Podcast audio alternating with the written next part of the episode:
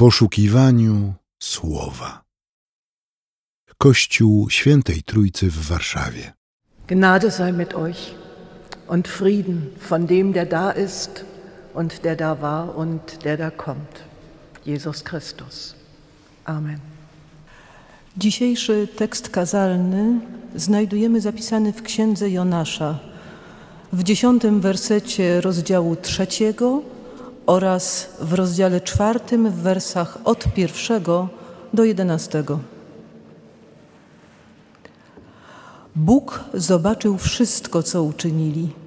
Zawrócili ze swoich złych dróg. Zlitował się nad nimi i nie zesłał nieszczęścia, które zapowiedział.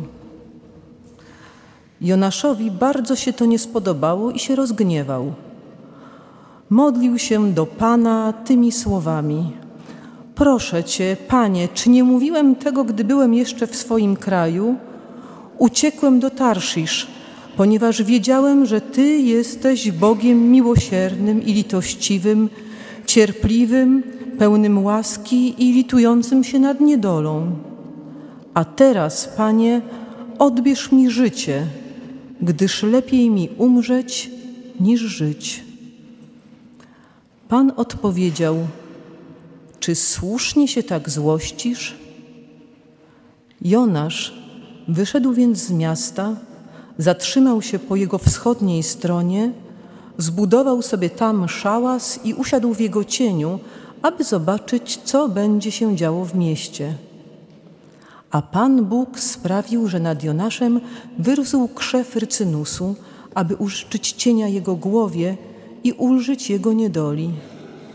Jonasz bardzo się ucieszył z krzewu rycynusu.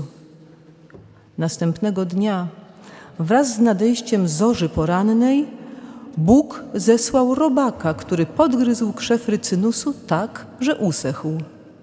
Gdy zaś wzeszło słońce, Bóg zesłał gorący wiatr wschodni i słońce poraziło głowę Jonasza tak, że zasłabł.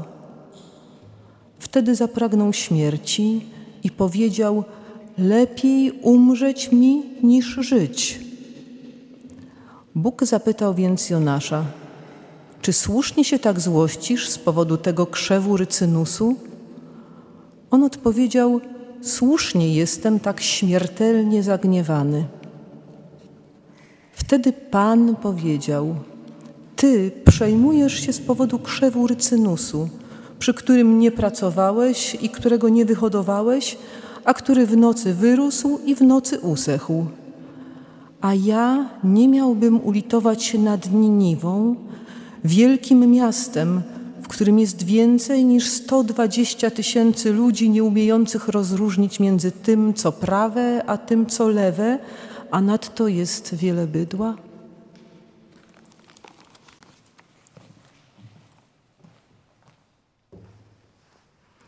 Gott segne unser Hören und Sprechen. Amen.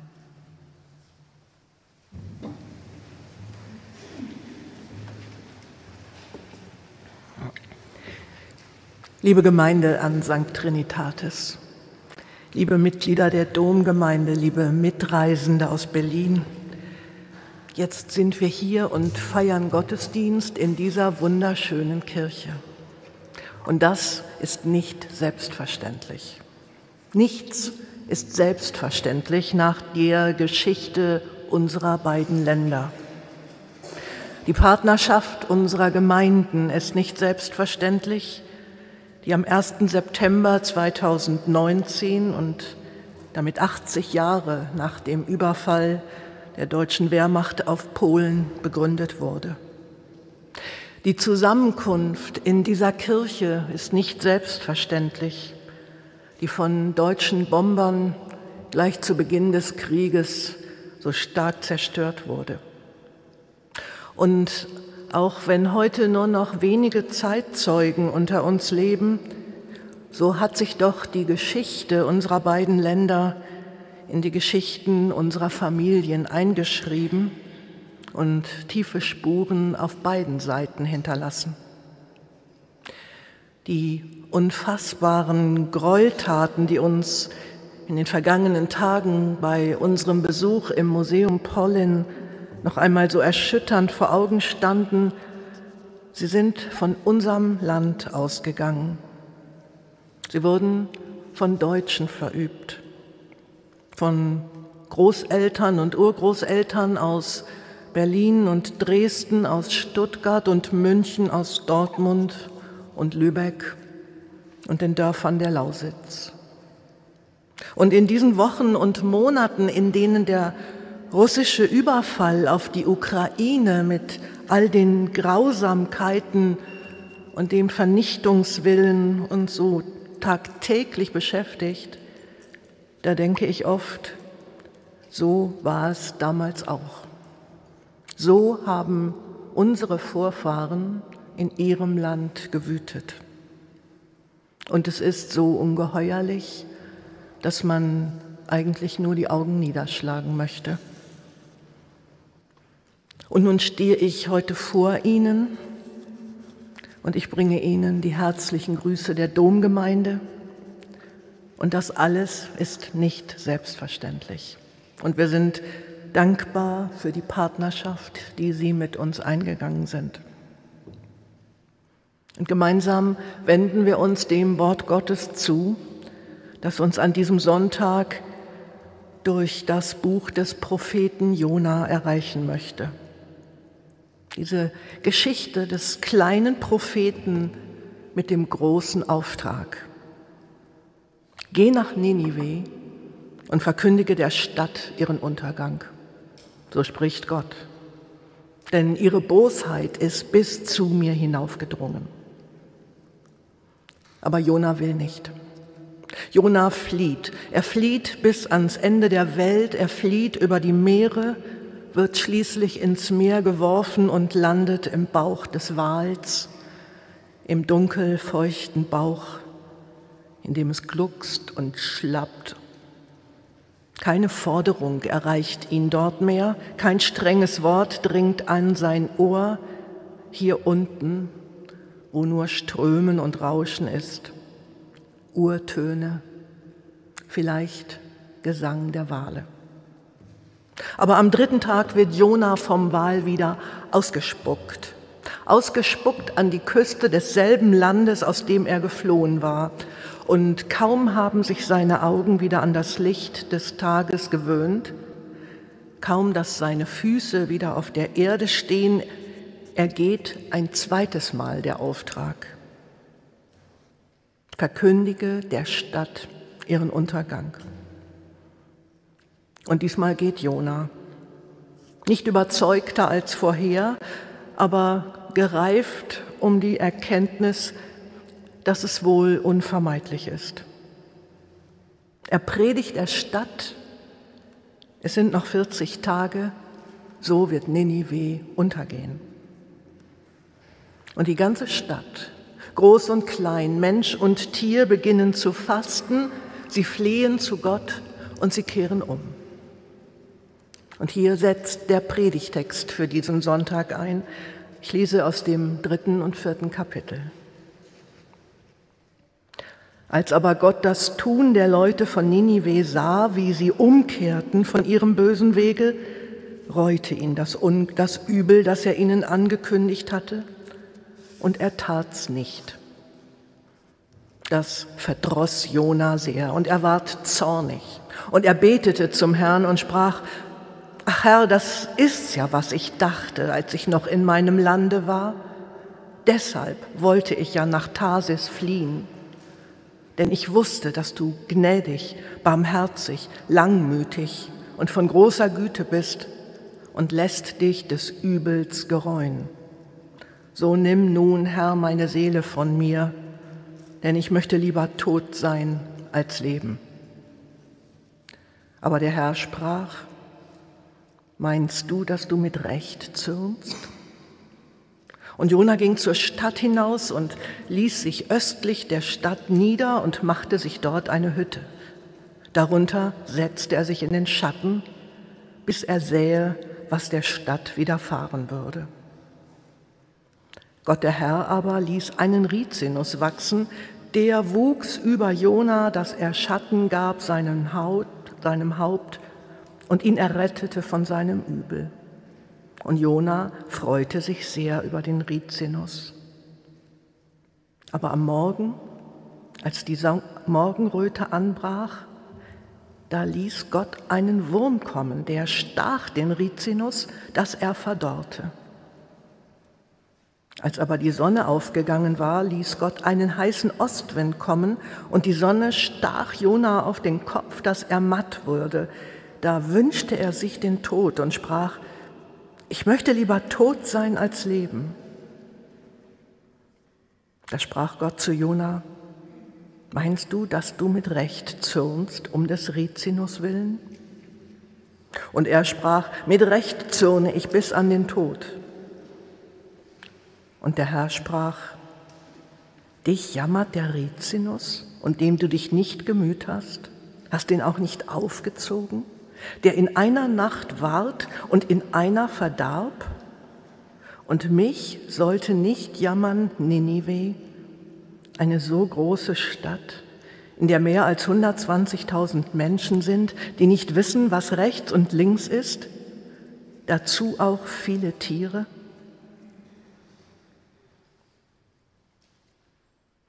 Liebe Gemeinde, Ninive wird verschont. Und Jona ist zornig und empört und er schleudert seine Empörung Gott entgegen.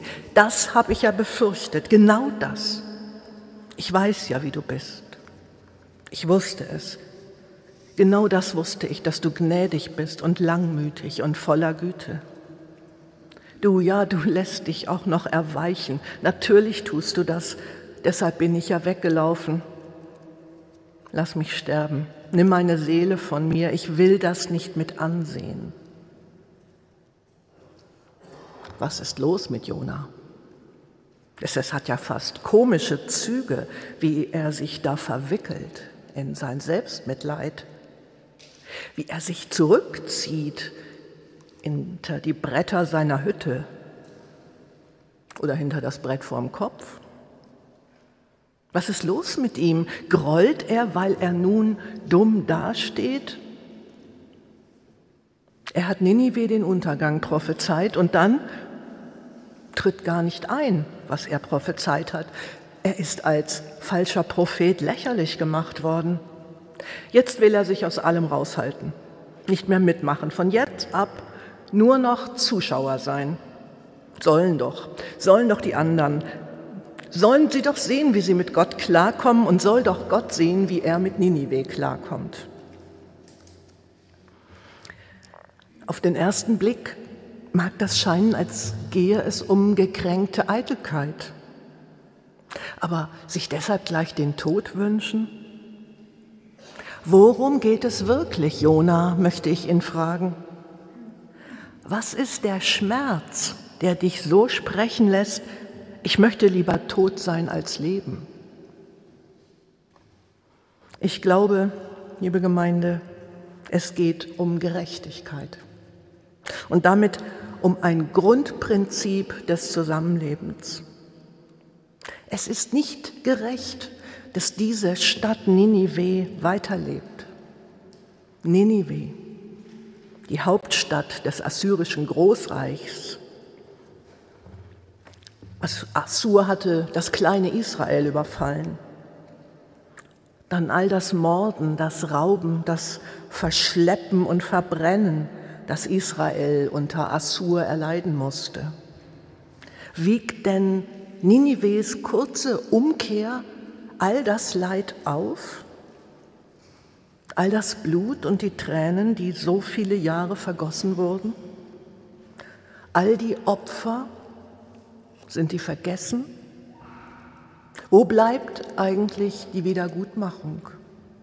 Wo bleibt der Ausgleich für erlittenes Unrecht? Cherson. In den Straßen trägt das Wasser alles vorbei, was verloren ist. Hausdächer, Fernseher, Spielzeug, Bäume, tote Tiere. Das Wasser des zerstörten Kachowsker Staudammes, es hat sich über alles ergossen. Nach Krieg, Tod, Besatzung, jetzt die Flut. Die tiefer liegenden Teile der Stadt sind vollkommen zerstört, die umliegenden Felder weggespült. Helfer, die Menschen von Dächern retten wollten, werden beschossen. Langsam sinken die Wasser und der Fluss kehrt wieder in sein Bett zurück. Es bleibt die Verwüstung und der Gestank und die Fassungslosigkeit. Und all das, während in Moskau das Leben auf den Straßen weitergeht, als wäre nichts geschehen. Sommerwochen mit Straßencafés und Sommermode mit internationalem Schick und spielende Kinder im Gorki Park. Das ist schwer auszuhalten. Wir wollen doch auch Gerechtigkeit. Wir wollen, dass da jemand zur Verantwortung gezogen wird, dass Schuldige bestraft werden und Blut und Tränen gesühnt. Jona erhoffte sich die gerechte Strafe durch die Zerstörung der Hauptstadt des Aggressors. Dass sie verschont wird, ist für ihn unerträglich. Dass sie weiterleben dürfen, nach ein paar Tagen des Fastens und der Reue, einfach weitermachen, ist das gerecht? Auch wir reiben uns ja wund an der Zumutung, dass es keine Gerechtigkeit geben wird, die all das Töten und Quälen und Vernichten je ausgleichen kann. Und wenn wir an ihre Stadt denken, das schöne Warschau, wer würde wagen zu sagen, es habe einen gerechten Ausgleich gegeben für all die Tränen und den Schmerz? Und auch wenn Berlin ebenfalls zerstört wurde und auch wenn der Dom, so wie ihre Kirche, in Flammen stand, welche Tränen wurden damit getrocknet?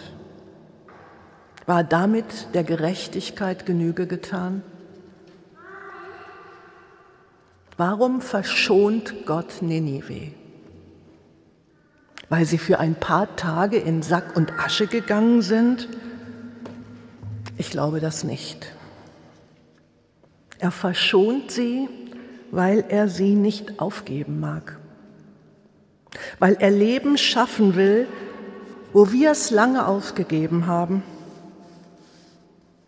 Jona trauert über den Rizinusstrauch, der vom Wurm gestochen zugrunde geht, aber Gott trauert über die Welt und will sie nicht verloren geben. Nicht die Menschen und nicht die Tiere, die alle zu wenig wissen, nicht rechts und nicht links kennen. Gott will sie nicht verloren geben, nicht Ninive und nicht all die Städte, in denen Menschen um Macht und Einfluss ringen, in denen Menschen sich verstricken lassen in Lügen und Propaganda und rechts und links nicht unterscheiden können und wahr und unwahr sich verdreht.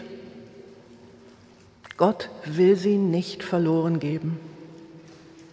Gottes Macht und Wille, dem Tod nicht das letzte Wort zu lassen, trägt durch die ganze Geschichte Gottes mit seiner Welt. Trägt durch das Schilfmeer und durch die Verschleppung Israels und bestätigt sich letztlich ein für allemal in seinem Sohn, in Christus, der die Macht des Todes durchkreuzt hat. Gott gibt niemanden verloren. Das erfährt auch Jona, der Prophet, der an der Gerechtigkeit verzweifelt und dem Gott doch so nahe kommt. Ja, dessen Nähe Jona doch längst erfahren hat, als er im Bauch des Fisches betete, ich schrie aus dem Rachen des Todes und du hörtest meine Stimme. Ich rief zu dem Herrn in meiner Angst und er antwortete mir. Er antwortet, liebe Gemeinde, auch heute. Noch immer spricht Gott zu uns. Und daraus schöpfen wir doch die Kraft, das uns Mögliche zu tun und auch niemanden verloren zu geben. Nicht die Kinder aus Kiew und Kharkiv und Irpin, die bei Ihnen und bei uns in Berlin Zuflucht gefunden haben und die in den Räumen ihrer Gemeinde spielen und sicher aufwachsen dürfen. Und nicht die Mütter, die traumatisiert und verstört bei Ihnen Hilfe suchen und fanden. Dass wir es nicht aufgeben, dieses Land, das um seine Freiheit kämpft.